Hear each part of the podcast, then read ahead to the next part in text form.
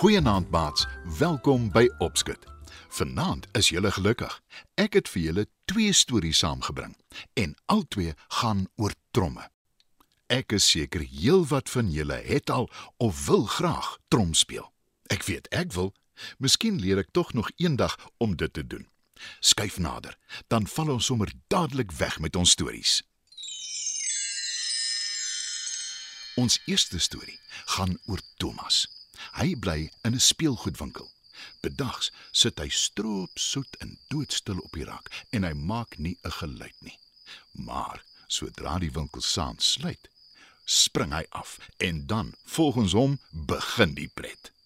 Thomas is 'n seun, 'n seun gemaak van plastiek, want ja, hy is 'n speelding. Eintlik is Thomas nie 'n slegte speelgoedseun nie.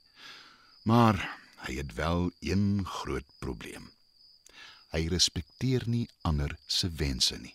Veral nadat sy tant Agatha 'n groot plastiekbal vir hom 'n trom persent gegee het vir sy verjaarsdag. Toe die eienaar nuwe speelgoed bestel vir die winkel, het sy dit stilletjies by die lys gevoeg. Hy het dit gelukkig nie eers agtergekom nie. Thomas was natuurlik erg in sy noppies, want hy wou nog altyd 'n trom gehad het. Gedurende die dag kan hy skaars wag vir die winkel om te sluit, want dan kan hy die hele aand totdat dit slaaptyd is op sy trom speel. En hy doen dit hard en aanhoudend. En vir al die ander speelgoed is dit 'n nagmerrie. Thomas dink dalk hy speel goed en dit klink wonderlik, maar niemand anders stem saam met hom nie. Selfs nie tant Agatha nie. Wat het my tog besiel om vir die seun 'n trompersent te gee? Dit het hom in 'n monster laat verander. Ek voel asof ek hom nie eens meer ken nie. Sê sy elke aand wanneer Thomas lostrek op sy trom. Dis waar. Doen tog iets daaraan, eerder gouer as later. Kla Frederik, die speelgoed trok. En arme tant Agatha probeer vir die hoeveelste keer mooi praat. Ai Thomas, wil jy nie maar ons ander in ag neem en sagter speel nie? En minder. Ons kan dit nie meer uithou nie. Asseblief. Pleit sy. Maar Thomas steur hom nie aan haar of van enige van die ander speelgoed nie. Want toe Asanda, die pragtige pop met die mooi rok en lang wimpers sê: "Ek kan nie glo ek het altyd van jou gehou nie. Maar nou dat jy jou ware kleure wys, voel dit asof ek jou nie meer ken nie." Toe lag Thomas net en sê: Ek gee nie om wie van my hou nie, veral nie jy nie. Jy is tog so vol van jouself. Anie, ah Thomas. Van wanneer af praat jy so met ander? sê tant Agatha geskok. Thomas antwoord nie eers nie. Hy loop net op en af en speel nog harder op sy trom. Na 'n ruk kan Johannes, 'n ruimteman wat van boublokkies gemaak is, dit nie meer verduur nie. Hy probeer Thomas se trom by hom afvat, maar Thomas stamp hom so hard weg dat hy val en uitmekaar breek. Al die speelgoed kyk geskok na Thomas. Toe klim hulle almal terug op hulle rakke en nie een van hulle praat weer met hom nie. 'n Paar dae later word daar 'n koekoekstaanerlosie by die winkel afgelewer. Die eienaar kyk trots daarna. Hy is nie van plan om dit te verkoop nie. Hy het dit aangekoop omdat dit so mooi is en hy daarvan hou as die klein voeltjie elke uur by die deurtjie uitspring om die tyd aan te kondig. Wat 'n aanwins vir die winkel. Dit sal beslis meer kliënte lok, sê hy. Die horlosie staan baie na aan Thomas se rak en die aanhoudende getik tok maak dat hy saans nie kan slaap nie. Om nie te praat van die klein voeltjie se geroep nie. Almal kla oor die horlosie. En Thomas begin besef dat 'n aanhoudende lawaai soos die van sy trom ander kan pla. En dis nie eers so hard soos sy trom nie. En hy begin baie skuldig voel. Wanneer almal slaap, begin hy stilletjies om Johannes weer aan mekaar te sit. Toe die speelgoedruimteman weer sy ou self is, roep hy al die speelgoed om te kom kyk.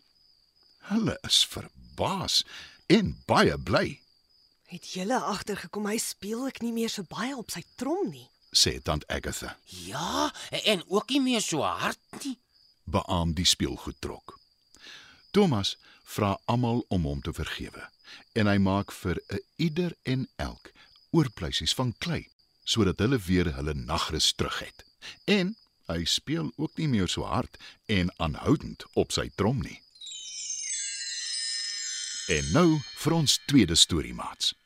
Brenda is 'n kunstige jong dogter met een groot begeerte om tromme te kan speel.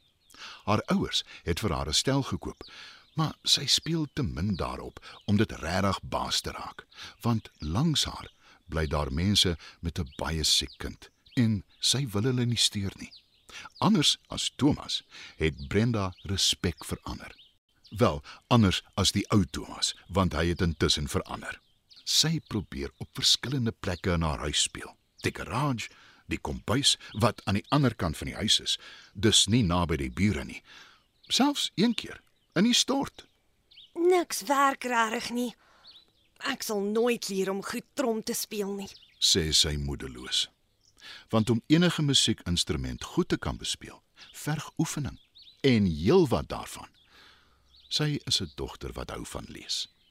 En toe sy in 'n boek lees dat die enigste manier om in die ruimte te reis is om 'n groot soort borrel om jou te hê, dink sy 'n hele ruk daaroor.